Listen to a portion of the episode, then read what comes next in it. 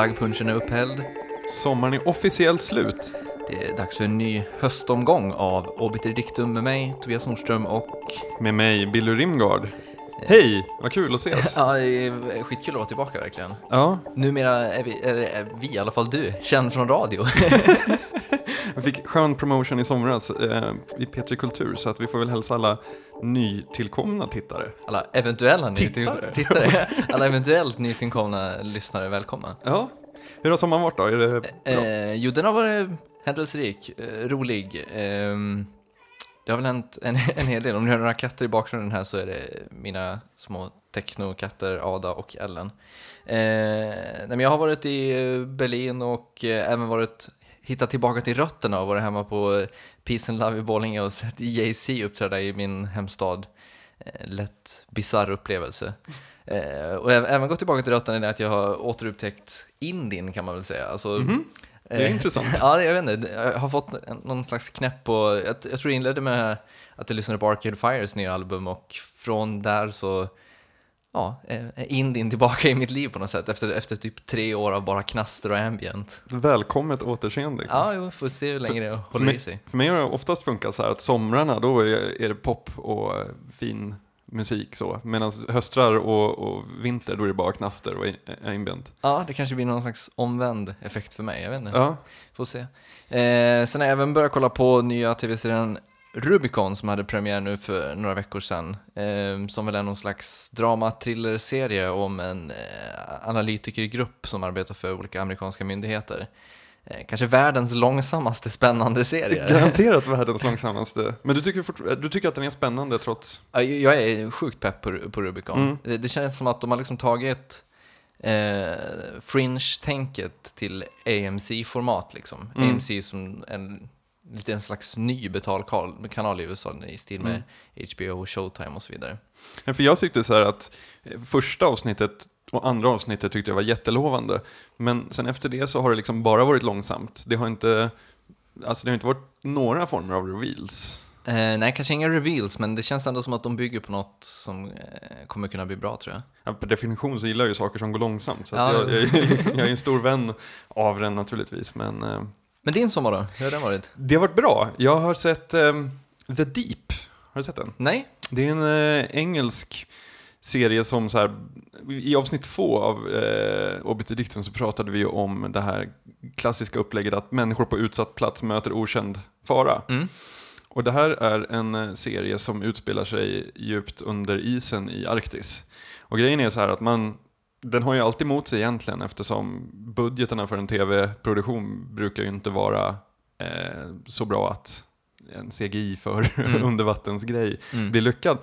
Men den har varit jätte, jättebra hittills. Fast jag har bara sett de tre första avsnitten. Okej. Så det kan ju vara så att de jump the shark eh, efter det. Så Ja. med, med en viss, en viss ehm, ehm, reservation så kan jag Upplägget låter ju i sig lockande bara. Mm. Under isen i Arktis, bara det är ju, Ja. är ju bra.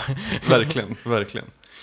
Sen så har jag ehm, blivit helt hooked på en eh, amerikansk sångerska som heter Emily Jane White. Eh, hennes två album Dark Undercoat och Victorian America. Eh, väldigt mörk folkmusik. Trevligt. Ja, en, en, eh, en eh, ja, det, det man har väntat, eller det man önskade att Nick Cave kunde ha stannat vid vid Okej. As I sat sadly by her side. Mm. Ungefär så, väldigt svartklätt och eh, fint sådär. Men det, jag har också varit i Berlin. Jag var och Mm. kollade atombunkrar. Trevligt. Ja. så det liten parentes som jag inte har någon poäng att nämna, men det, det var väldigt kul. Du har kollat på The Wire också? Ja, precis som alla andra har gjort den här sommaren. Ja, jo. Alltså, jag är helt chockad. Alltså, när man ser på så här Twitter och sånt, det känns som att alla kollar om The Wire. Ja, men det, det, från och till så gör man ju det hela tiden. Ja. Precis. Fullt av West Wing nästa sommar. Så. Ja, jo. Jo, jag har sett hela, eh, rakt igenom alla säsongerna och ja, inget att tillägga.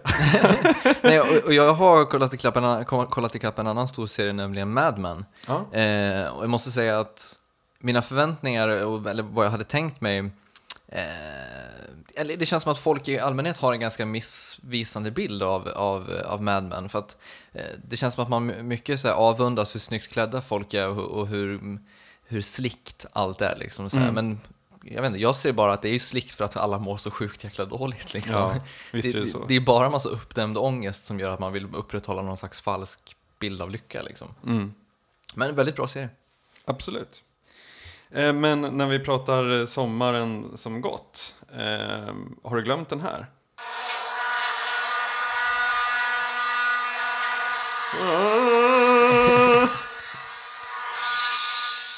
Det kanske är det mest så här, för sommaren 2010 så kanske det ljudet ändå var det mest så här, ja, samtidsmarkör. Ja, ver- verkligen. Men det känns som att det, Det var väldigt länge sedan. ja, det blev så här, ja just ja, VVC-lan liksom. För det känns som att så fort VM var slut så, så pratar man inte om det längre heller Nej. liksom. Men det var en urdrone. Ja, verkligen. För, för oss som gillar drones så var det ju en fröjd att se fotbolls-VM. Precis. Det var väldigt kul, YouTube hade ju ett tag medan det var fotbolls-VM en knapp på alla sina klipp där man kunde klicka i vuvuzela ljud. Just så här, det. Och när man kommer titta tillbaka på den grejen och så här, ja, jag kommer ihåg eh, Sprays hemsida 1997, då kunde man, alltså, Ja, det känns jävligt konstigt redan nu kan jag känna. Men sen var det ju en grej, eh, alltså om, om, om vi sitter och recappar eh, popkultur under sommaren så finns det ju en grej som kanske är större än samtliga andra. Definitivt. Eh, vi pratar naturligtvis om eh, biopremiären av Inception, Christopher Nolans nya film. Som jag inte hade fattat att det skulle bli en så stor film. Okej, nej, jag hade nog lite på känn i alla fall med tanke på att det var Nolan som följde upp The Dark Knight liksom. Ja. Men vi, vi pratade ju om det när vi hade pratat om förväntningskulturen i, i ett avsnitt i våras. Att, att vi, vi liksom höll oss från att titta på trailers och sånt och lä läsa saker om just Inception. Mm. Ehm, Jag, hade- vi hade båda bara sett den första teaser-trailern. Precis, som var en minut eller någonting. Ja. Men vad, vad tyckte du själv, hur tyckte du själv det gick? Klarade du dig från att hålla dig borta från allting? Jag var väldigt nära några gånger. Ja, En gång inne på Ice-Teas Twitterflöde faktiskt. Eh, så, så var jag nära. Eh, Och sen en annan gång, vi fick ett, eh, fick ett, eh, ett, förslag, ett ämnesförslag från Elegansen, eh, heter hans användarnamn, på Twitter. mm. Och eh, då började han skriva så här, med anledning av Inception, kolon, drömmar i, och jag, då slutade jag, så att jag fattade, alltså någonstans förstod jag att det var drömmar. ja. Och, och till elegansen givetvis, tack för, för förslag. Det är liksom inte så att man inte får. Det var Defini- definitivt inte jättebra. jätte, jättebra, men det var väldigt nära att jag gick på en, en mina där. Men i övrigt så, nej, alltså ja, jag hade ju fattat då att någonting med, med drömmar, plus att jag hade lä- mina förväntningar hade väl byggts upp lite grann i och med att jag hade läst väldigt många som så här tyckte den var bra. Mm. Ehm, själv då, var du nära? Alltså jag hade ju en, en episod som var, som var rätt, lätt kaotisk, just när jag var i Berlin faktiskt. Eh, jag var och såg Predators på IMAX-duk där. Ehm, och mitt då under previewsarna så kommer Inception-trailern. och jag liksom säger, när jag ser direkt att det är Leonardo DiCaprio så fattar jag direkt vad det är och liksom kastar ner huvudet i knäna och håller för öronen. eh, Liksom. Jag kan erkänna att det var en, en, några korta eller en kort halv sekund där jag övervägde om jag skulle se trailern på IMAX-duk just eftersom att jag visste att det antagligen är min enda chans att se någonting ur den här filmen på IMAX-duk.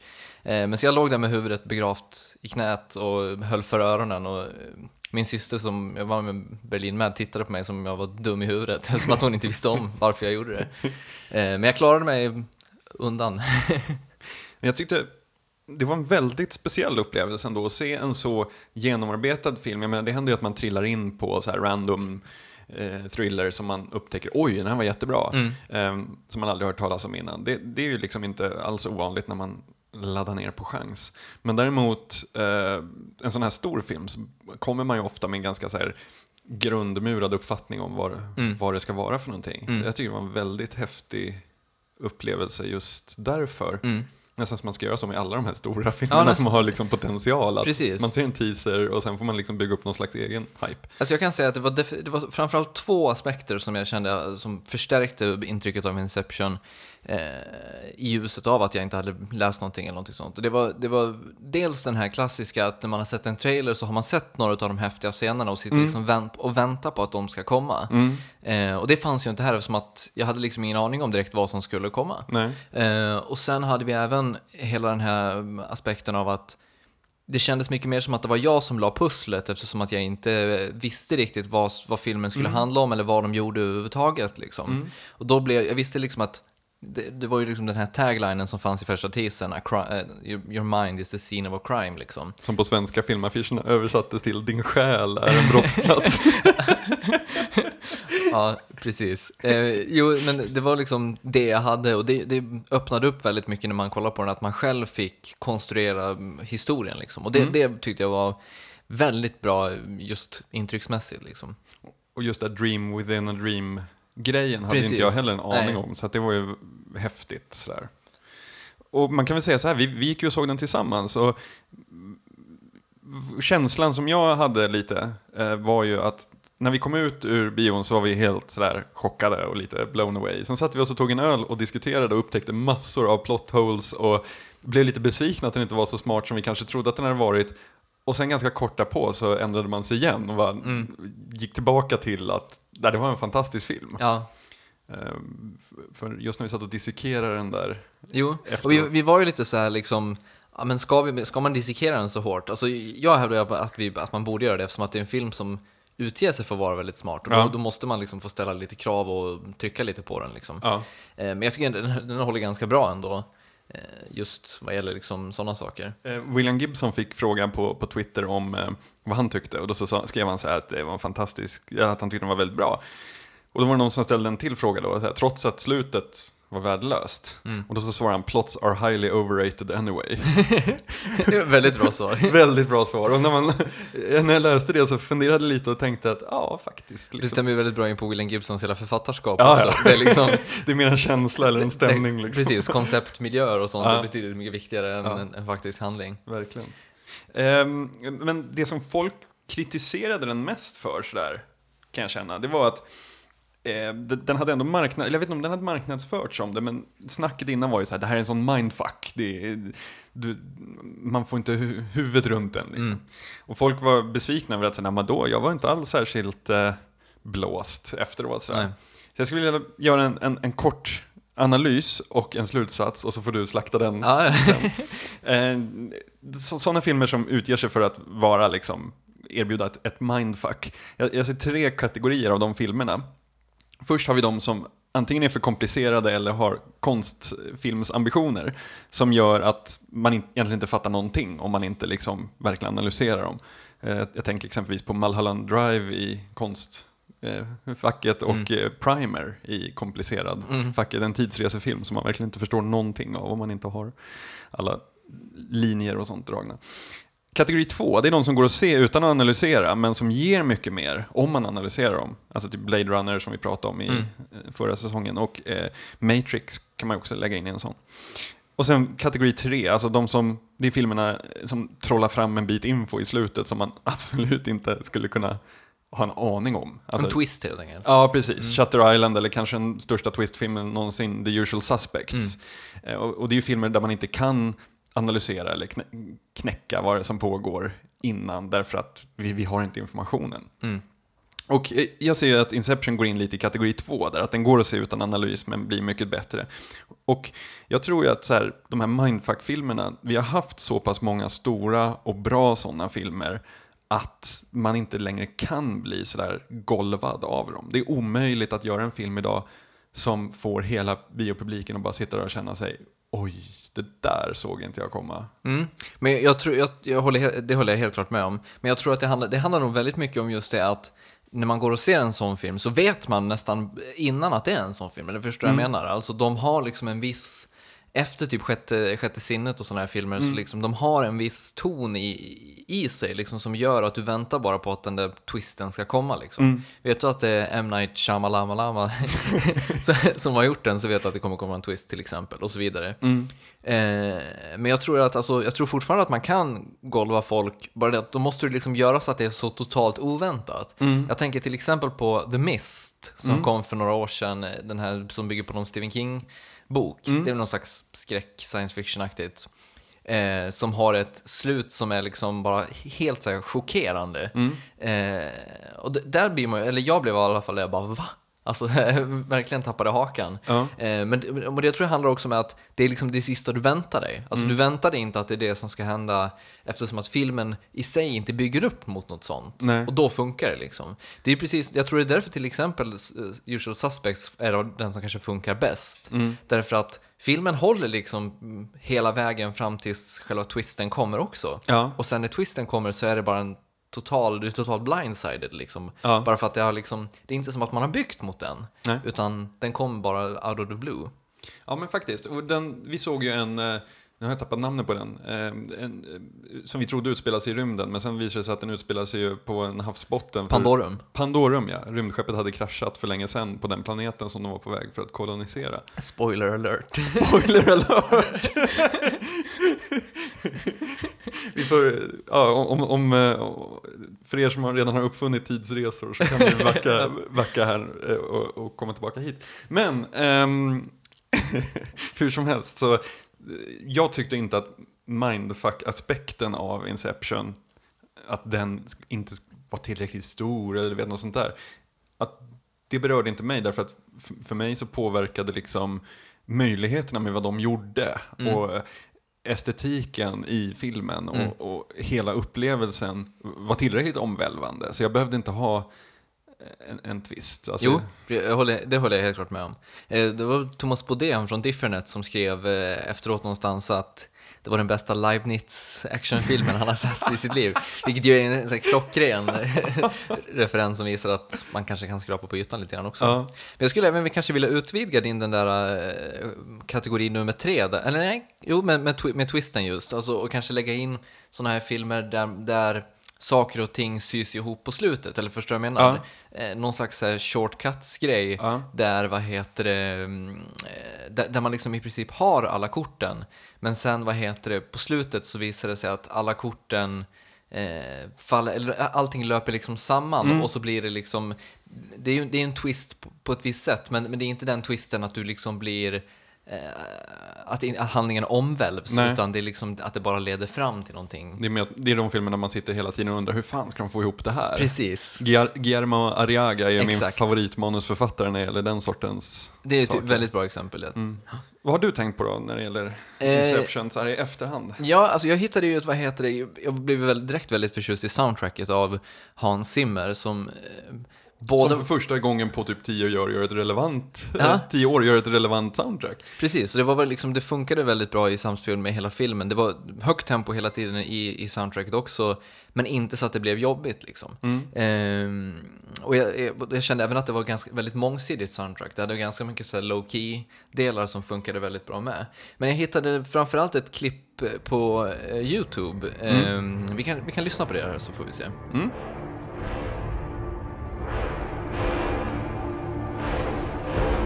Och det här är ju då själva huvudteamet eh, som återkommer gång på gång filmen igenom. Eh, och det här är då eh, Edith Piafs Non je regrette rien, alltså vad heter det, det är den här låten som används som en kick.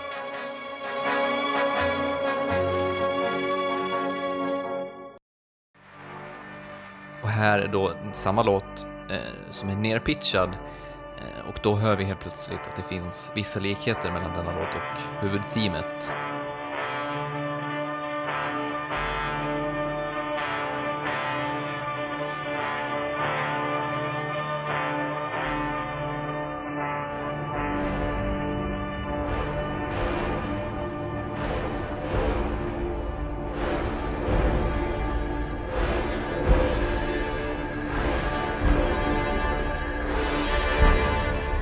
Vi hör ju det att det finns ju klara likheter me- mellan eh, de två. Det är, En låt within a låt. Exakt, det, det, vad heter det, det ju, finns ju giv- givetvis en väldigt intressant och rolig metanivå, eller vad man ska kalla det Mm. för, eh, för i det här. Alltså, eh, dels så har vi liksom eh, rent musikaliskt hur Hans Zimmer har liksom använt Edith Piaf till att på något sätt bygga en extra nivå eh, i soundtracket. Och sen har vi ju även då liksom någon slags ren eh, handlingsaspekt i det hela, där, där vad heter det, för eftersom att eh, när, vi, när vi hör Edith Piaf till exempel, när vi är i andra drömnivån i Mm. filmen så är den långsammare.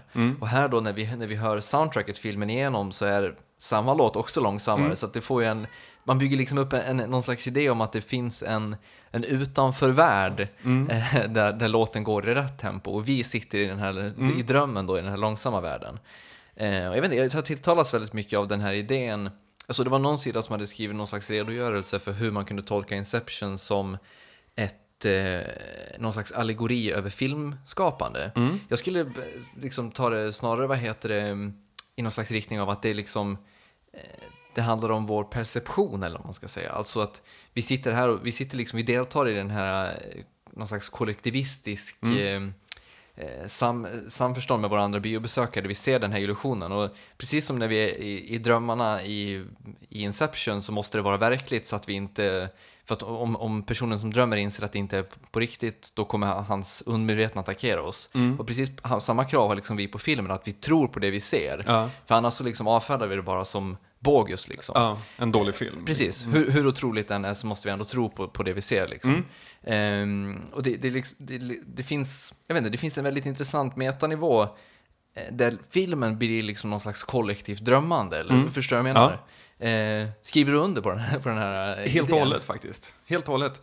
Eh, För jag tycker, det, det jag tilltalas mest av just när man lyssnar på det här soundtrack-experimentet, det är ju på något vis att de har tänkt. Eh, Jag, jag kan köpa filmen därför att jag fattar att de har tänkt. Mm. Det är inte bara en sån här, eh, ehm, vi skriver ett snyggt tema som vi kan sälja på, på, på skiva. Mm. Och det tycker jag, Hans Zimmer har ju, han var ju ganska bra på 90-talet när han gjorde The Rock och alla de här. Men efter sig han fick framgångarna med Gladiator så har han bara suttit och gjort samma soundtrack Mm. om och om och om igen. Liksom. Mm. Och nu kommer han och gör, ja han har tänkt plötsligt. Ja. Och det visar ju så här att, okej, han, han eh, det här var inte en film där han bara kunde skriva ett snyggt tema och slänga ihop. Utan även musiken var tvungen att spegla då den metanivå, Mm. lager på lager-tanken som Inception jobbar med. Ja, det är ju också, men just den, också den aspekten att när de ko- äh, hamnar i den här drömmen som är den stora stöten liksom, så visar det sig då att, vad heter det, att här kan vi helt plötsligt dö på riktigt, alltså här står allt på spel. Eh, och även, för dem blir det även då att de känner smärta, de är rädda, de eh, känner spänning och så vidare. Precis som att, även fast det bara är en dröm, alltså all, all, de vet ju samtidigt att alltihop är 100% falskt. Och det är precis samma sak för oss som sitter och tittar på filmen. Alltså vi känner, det kittlar i magen, det, vad heter det, vi blir eh, nervösa, vi blir eh, rädda om det är läskigt, vilken film vi än kollar på, trots att vi alla vet att det är liksom 100% falskt, Ja. det, det vi ser så att Ja. säga. Jag, inte, jag, jag tilltalas väldigt, väldigt mycket av den, den idén, alltså just, just den drömmande delen av, eh, av vår perception av, av och det, det är på något sätt suddar även ut gränserna för vad som faktiskt, att det liksom inte spelar någon roll vad som är verkligt eller overkligt i filmen. Mm. Eh, vi har ju liksom, det finns ju den här scenen i, eh, vad är det de är, Ma- Tanger, nej vad är det de är?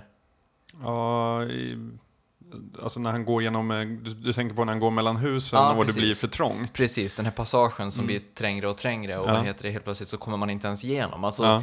eh, det känns ju på, som, det känns lätt bisarrt och ganska overkligt liksom. Mm. Eh, och man glömmer liksom bort att jo men det är ju overkligt, det är ju film, eller förstår, Ja. förstår du vad jag menar? För, för, då är vi liksom fast övertygade om att han är ju i verkligheten nu och därför så kan inte sådana saker hända liksom. Samma sak är ju med slutet som också är lätt bisarrt och då liksom bara, ja, då ska man liksom spekulera i var det på riktigt eller var det inte på riktigt? Och det är liksom, på många sätt så är det ju totalt irrelevant. Ja. Eftersom att alltihop var ju inte på riktigt. Men, men känner du att du skulle vilja veta om eh, hans snurra slutar snurra i slutet? Eller? Eh, nej, det spelar inte så stor roll för mig. Eh, jag är helt övertygad om att alltihop var en dröm. Ja.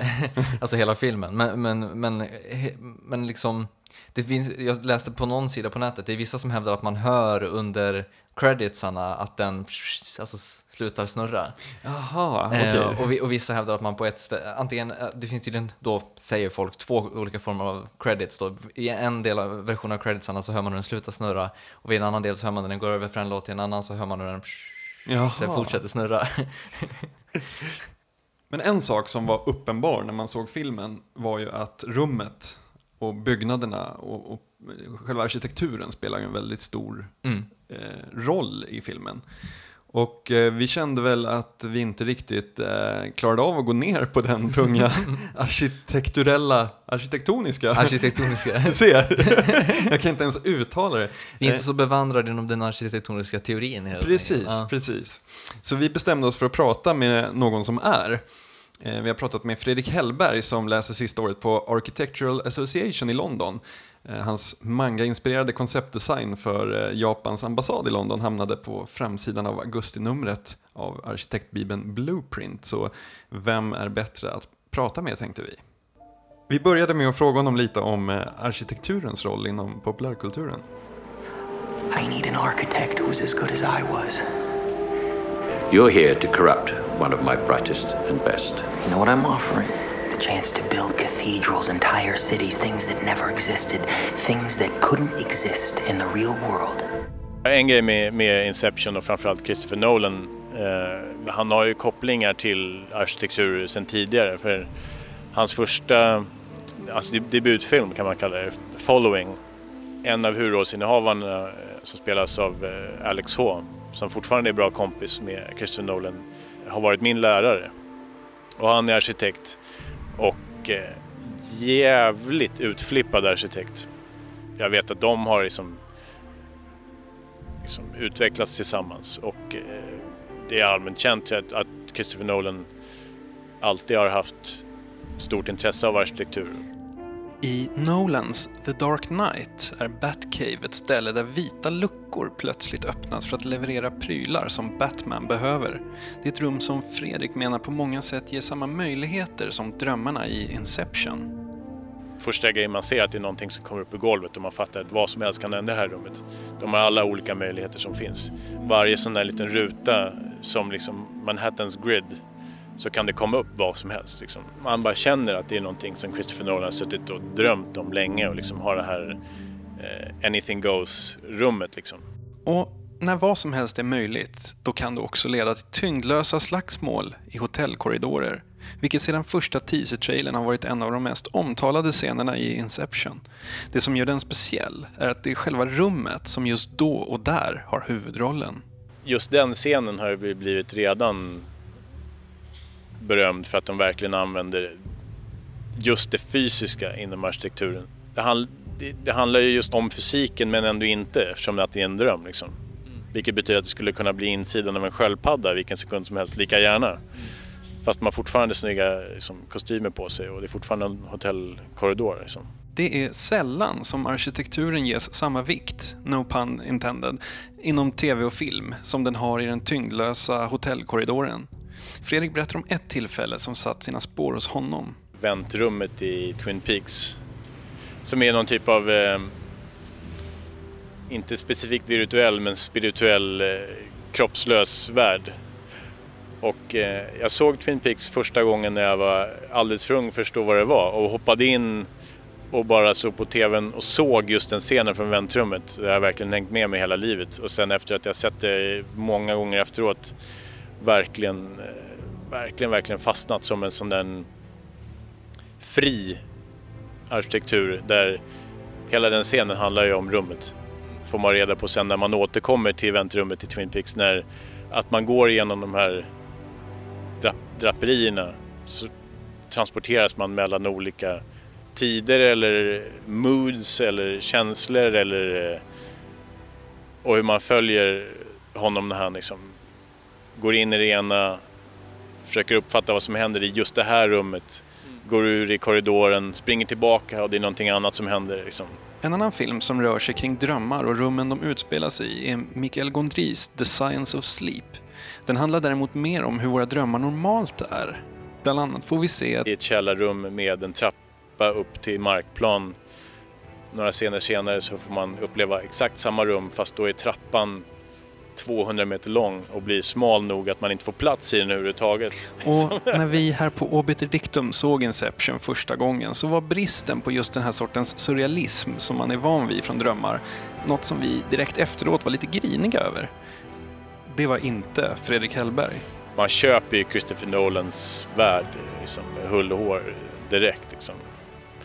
Jag tyckte inte man satt och ifrågasatte varför det inte såg ut som Avatar eller varför det inte såg ut som Science of Sleep eller varför de inte helt plötsligt satt och pratade med någon eh, larv som satt och rökte vattenpipa liksom. Men man får ju reda på att allt är möjligt. Såklart eftersom att det är en dröm. Men just de spe specifika uppdragen som huvudrollsinnehavarna är ute efter kräver den här slicka världen liksom. Vilket sen syr ihop säcken med estetiken för hela filmen liksom. Så att de är sjukt snygga, de har sjukt snygga kostymer, det är lyxiga miljöer och liksom eh, de bara tweakar med de här, det kommer ett sjukt snyggt stort amerikanskt tåg körandes på den här snygga amerikanska eh, innerstadsgatan med fyra filer liksom. Det kom, det kom ingen gigantisk hare som pratar spanska utan det kom ett snyggt tåg.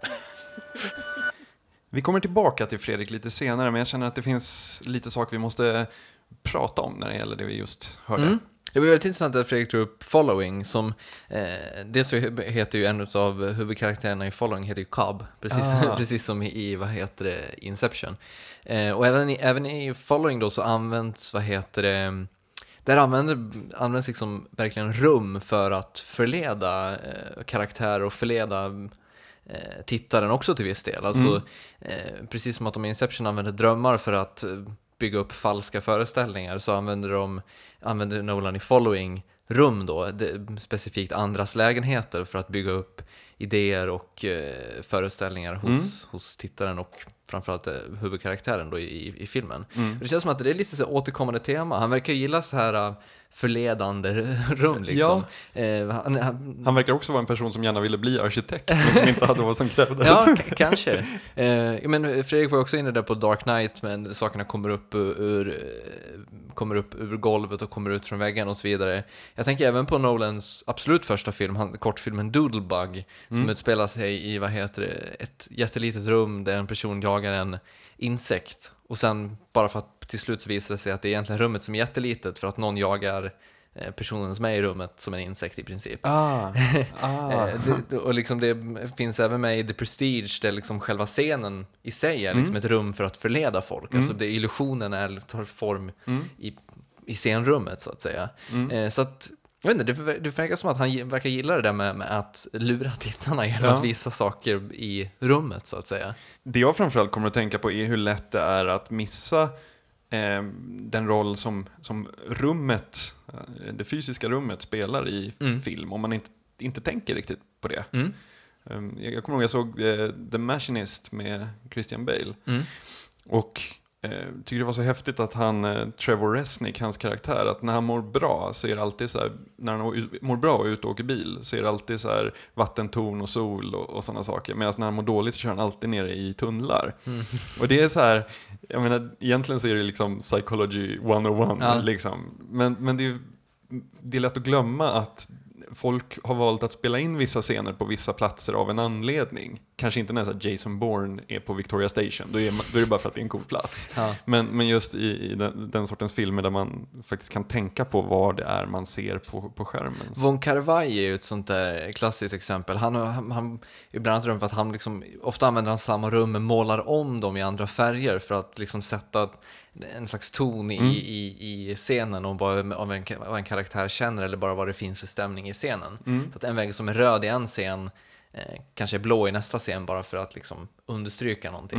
Eh, för honom var det ett sätt att liksom, eh, när, han, när han inte hade råd att göra det i efterbehandlingen av filmen så liksom kunde man lätt göra det genom att bara måla om en vägg. Eh, men det skapar ju ändå en viss, ganska specifik ton liksom. Och eh, det som är speciellt med Inception tycker jag, det är ju det att de använder eh, arkitekturen i drömmarna väldigt tydligt för att uppnå ett mål. Mm. Alltså de bygger en labyrint för att han ska hitta in i labyrinten och sen hitta det här valvet. Eh, det blir som du sa, att det är liksom ett maktverktyg över de personerna. Mm. Och vi pratade lite med Fredrik om det, om hur arkitekturen egentligen är maktverktyg överallt. Inom, inom verklig arkitektur så kan man ju dra paralleller till i stort sett vad som helst. Där arkitekturen och arkitekten eh, kontrollerar beteendet i den som eh, ockuperar arkitekturen.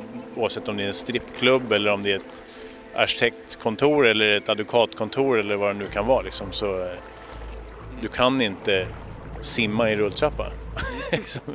Det är någon som har bestämt att du ska stå stilla eller gå i en rulltrappa. Liksom. För där är det en rulltrappa, det finns inget annat val att göra. Liksom. När vi går genom Slussen eller när vi går genom T-centralen eller var som helst så eh, påverkas hur vi går och var vi går av hur det är utformat så att säga. Ja, precis. Och vad liksom tidens anda just då. Slussen är ett bra exempel där liksom man är fånge i idén av vad man tyckte att människor skulle vara på den tiden. På vilket sätt då?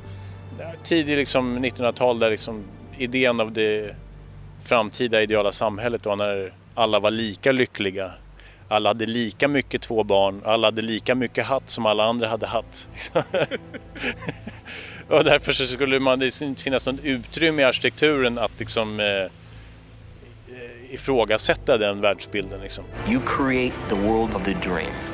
We bring the subject into that dream and they fill it with their subconscious. How could I ever acquire enough detail to make them think that it's reality? Drömmaren slutar tro på det om det inte är liksom igenkänningsbart. Och där kan man ju dra paralleller till att trots att det är second life kan man göra vad som helst. Du kan vara, ditt medvetande är helt plötsligt 45 kristaller som flyger runt i någon konfettivärld.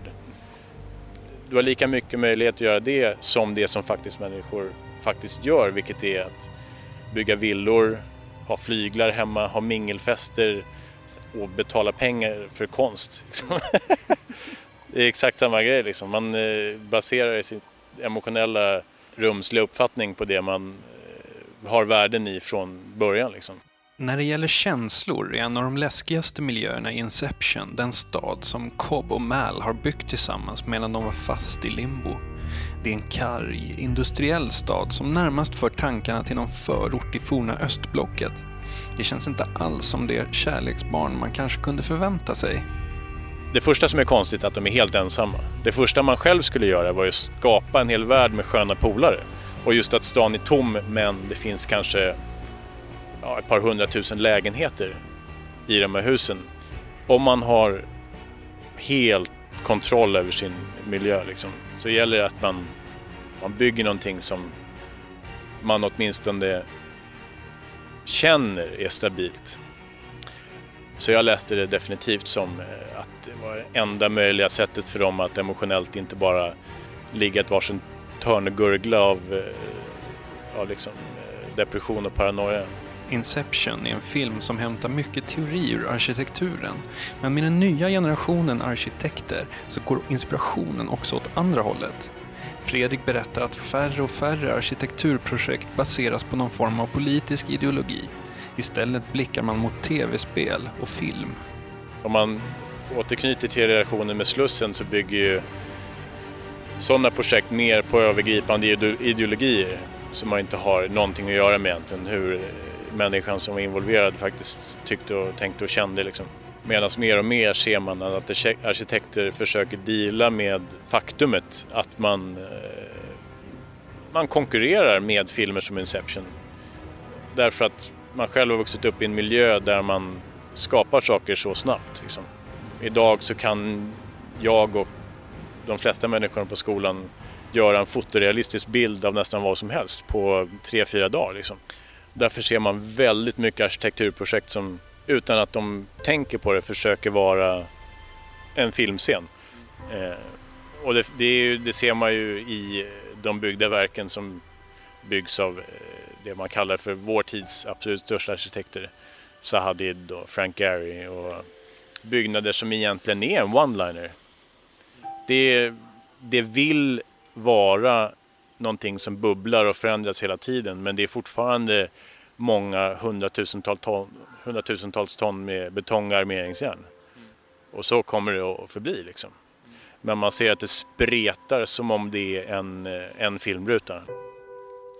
Fredrik Hellberg alltså, och han sa ju att han såg enorma många eh, ursäkter och saker som publiken förväntades acceptera och som kanske inte riktigt höll och så vidare med Inception, mm. men älskade ändå filmen rakt av därför att ja, bara man köper Nolans värld så är den en bra, och det är ungefär den eh, inställningen jag har. Men vad som, vad som slog mig dock, det är ju det att det känns ju som att det var en film som han har fått ut extremt mycket mer av än vad jag har gjort. Därför att han har, kommer från, eh, han tittar på rummet på en helt annan, annat sätt. Mm. Vi nämnde ju tidigare där Thomas Bodéns kommentar om att det är Leibniz action. Det är otroligt bra skrivet. Men det, det jag tänker är så här, går, alltså mycket av det som Fredrik pratade om när, när, när vi samtalade var, det gick ganska långt över mitt huvud just om hur, hur rummet, eh, det fysiska rummet faktiskt har en huvudroll i Mm. Inception.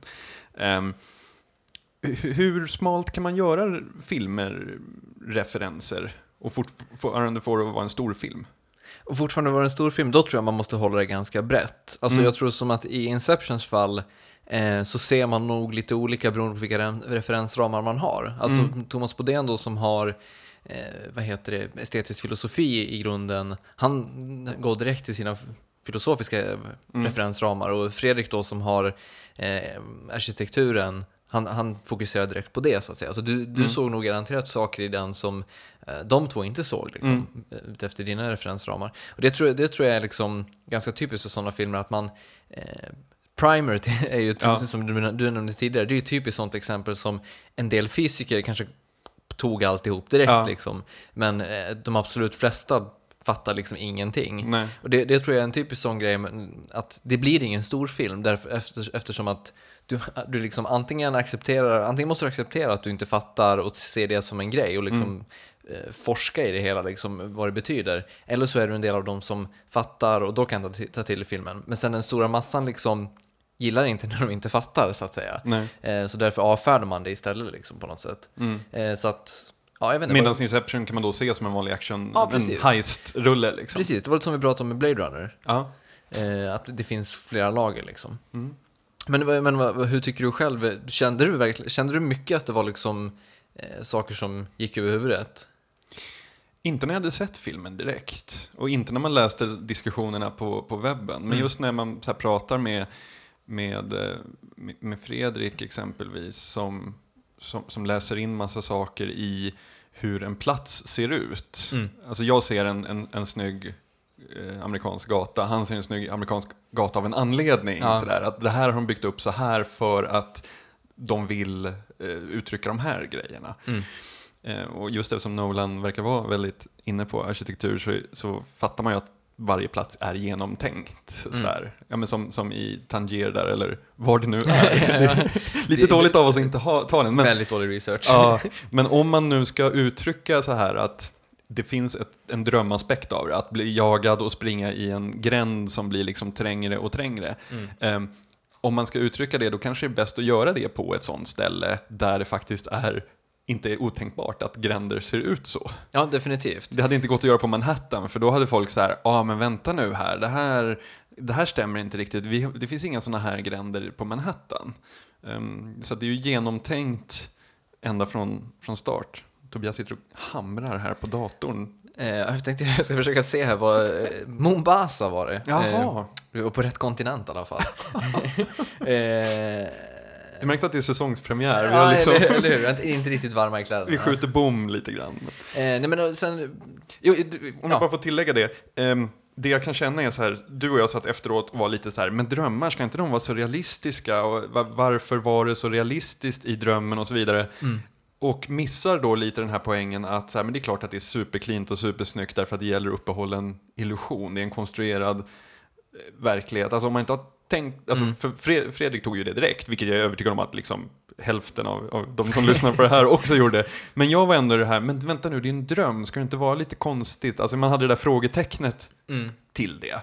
Men, men samtidigt, jag, alltså, jag har ju läst en hel del psykoanalys, så att jag Ja. har ju väldigt mycket de referensramarna. Och där, där, eh, där misslyckas ju Inception ganska hårt. alltså den, den, eh, om man tar framförallt tidig drömteori så är den ju, vad heter det, har det ju inte alls säkert mycket gemensamt med vad exempel, exempelvis Freud Jung eller Lacan skriver om det. Eh, utan den har ju någon slags egen påhittad grej, eh, vad heter det, som ändå har vissa så referenser till, till just drömteori. Liksom. Mm. Vi har ju bland annat den här när, när, när de hamnar i första drömlagret, när, vad heter det, när det spöregnar då, och de då tittar på Yusuf och typ anklagar honom för att han har druckit för mycket champagne. Alltså, Ja. han är kissnödig, därför så regnar det. Ja. Eh, vilket är liksom en slags här, klassisk Freud-grej. Är Mm. du törstig så rinner vatten, eh, eller så ser du en så här, lockande källa liksom, Mm. och är du kissnödig så regnar det och sådana saker. Eh, så där finns det helt klart sådana eh, såna saker. Eh, men sen, och sen det fanns ju en, en väldigt konstig sak i den svenska översättningen då med, med textningen, där de i filmen då pratar om the subject, men det översätts hela tiden med objektet i den svenska textningen, vilket liksom blir totalt motsatt betydelse i princip. Och i vilken film som helst hade det egentligen inte spelat någon roll, men just i Inception så är liksom subjektet Precis. och objektet bör man hålla, hålla isär. Definitivt. En, en sak som, som Fredrik pratade om som jag tyckte var eh, en, en ganska cool grej är just det här att när man börjar förändra världen där inne så stirrar den dröm, drömmarens undermedvetna stirrar ut arkitekten, den som håller på att förändra. Och så funkar det lite i, alltså om människor inte trivs på en plats, att så här, åh det där stället gillar inte jag att vara på. Det, det är ju samma sak, du vet, man bygger om och gör på något sätt och gör fel. Och då, då, då gillar inte folk att vara där, då blir de irriterade och det blir liksom, ja, då fun- fungerar inte staden liksom. Så att, ja. Men eh, har du några andra, så här, du nämnde lite inledningsvis att vi satt och pratade om plot holes. Vilka, har du några som du tycker, eh, liksom lite problem med Inception? Ja, alltså problemet, det största problemet tycker jag är eh, fortfarande att den här coola eh, tyngdlösa världen som är i hotellet i andra dröm drömnivån inte går vidare till tredje drömnivån. Alltså där är det ingen tyngdlöshet. Ja, Trots att drömmaren av den tredje nivån befinner sig ju faktiskt i tyngdlöshet. Precis, alltså vad heter det, då, då, då, jag läste på internet någon slags halvtaskig förklaring till det var väl att jo men det, det påverkar bara i en nivå i taget. Och det blir liksom så här, jo, men om du påverkar en nivå i taget så måste du ju påverka i nästa nivå också Ja. eftersom att Precis. Och sen den här extremt roliga, eh, det har gjorts en liten seriestripp om det. Alltså var, varför inte bara Michael Caines karaktär åker till USA och hämtar hans barn till Europa. Exakt. För han träffar dem. Precis. Eh, det, det, vi, kan, vi länkar givetvis till den, det var en väldigt rolig grej. Men, men sådana saker, jag bortser helt ifrån dem. Därför att så här, ja, Men sen plots are highly overrated anyway. Exakt. Men sen fanns, fanns det en väldigt rolig grej som en, en, kompis till mig anmärkte på, som sa det här med att så här, eh, på slutet med, med barnen, och han bara, jo men vadå, barnen har ju inte åldrats någonting, han kan ju inte ha varit borta alls. Och liksom jag bara säger, jo, eller så är han fortfarande i drömvärlden, så att barnen ser ut som de gör i drömvärlden liksom. Och, han, och min kompis bara, ja, jag fick ett, moment of clarity liksom. Så det, det, det, det tycker jag ändå var en grej som funkade ganska bra. Och sen en sak som jag tyckte var tråkig var att de kvinnliga karaktärerna Ja. var eh, väldigt tråkiga. Ganska platta. Ja, alltså det här unga geniet som, som liksom, ja, men ändå hjälplös flicka, upp, uppsynen hela tiden. Ja, och sen eh, vad heter det? Eh, Mal. Mal som den här femme fatalen liksom. Ja. Och visst, jag köper att hon bara är en projektion av Cobbs, vad heter det, undermedvetna, men, men ändå, det blir liksom lite tråkigt. Nolan är ju inte, har inte varit så bra på att skriva kvinnliga karaktärer Nej. överlag tycker jag det känns Nej. som. I Prestige har ju Scarlett Johanssons, som också är någon slags så här, äh, medhjälpare till trollkarlarna, Mm. ögongodis liksom. Och, och i Batman så är ju Rachel Dawes inte heller någon Nej. Mm. slags jättespännande karaktär liksom. Så att det, det är väl sådana så nackdelar man, som man kan kritisera liksom, känner jag. Ja, det kändes lite så här gentlemannaklubben Ja. som är ute och reser. Exakt. Men ja, vi, det här var en skön liten smygstart på, på säsongen. Grotta ner oss lite i en eh, bra film liksom. Ja, precis. Även om det var några månader sedan som den var i skriket så förtjänar den ju ändå... Vi måste ju ta upp den här. Det Jo, det, att- definitivt. Ja. Men eh, med det sagt så tror jag att det är dags att gå över till den gamla goda programpunkten Postscriptum. Och eh, givetvis så kör vi lite Inception-tema på det idag, så jag tänkte börja med att tipsa om en väldigt, väldigt bra kalanka serie Eh, som föregår Inception med x antal år där eh, Björnligan tar sig in i Joakim von Ankas drömmar för att lura av honom koden till hans bankvalv. Han har till och med en sån totem för att Kalle kommer in i, i, i, i hans dröm och låter honom lukta på en guldtacka och frågar liksom luktar det här verkligen som en guldtacka och på det sättet så förstår han att han inte är i verkligheten utan drömmer. Det är fullständigt vackert ju. Ja. Eh, och jag tänkte tipsa om en eh, artikel slash intervju som eh, Christopher Nolan gjorde med LA Times eh, Jeff Busher. Den heter Inception Breaks Into Dreams och eh, ja, gav lite schysst insikt in i, i, i filmen helt enkelt.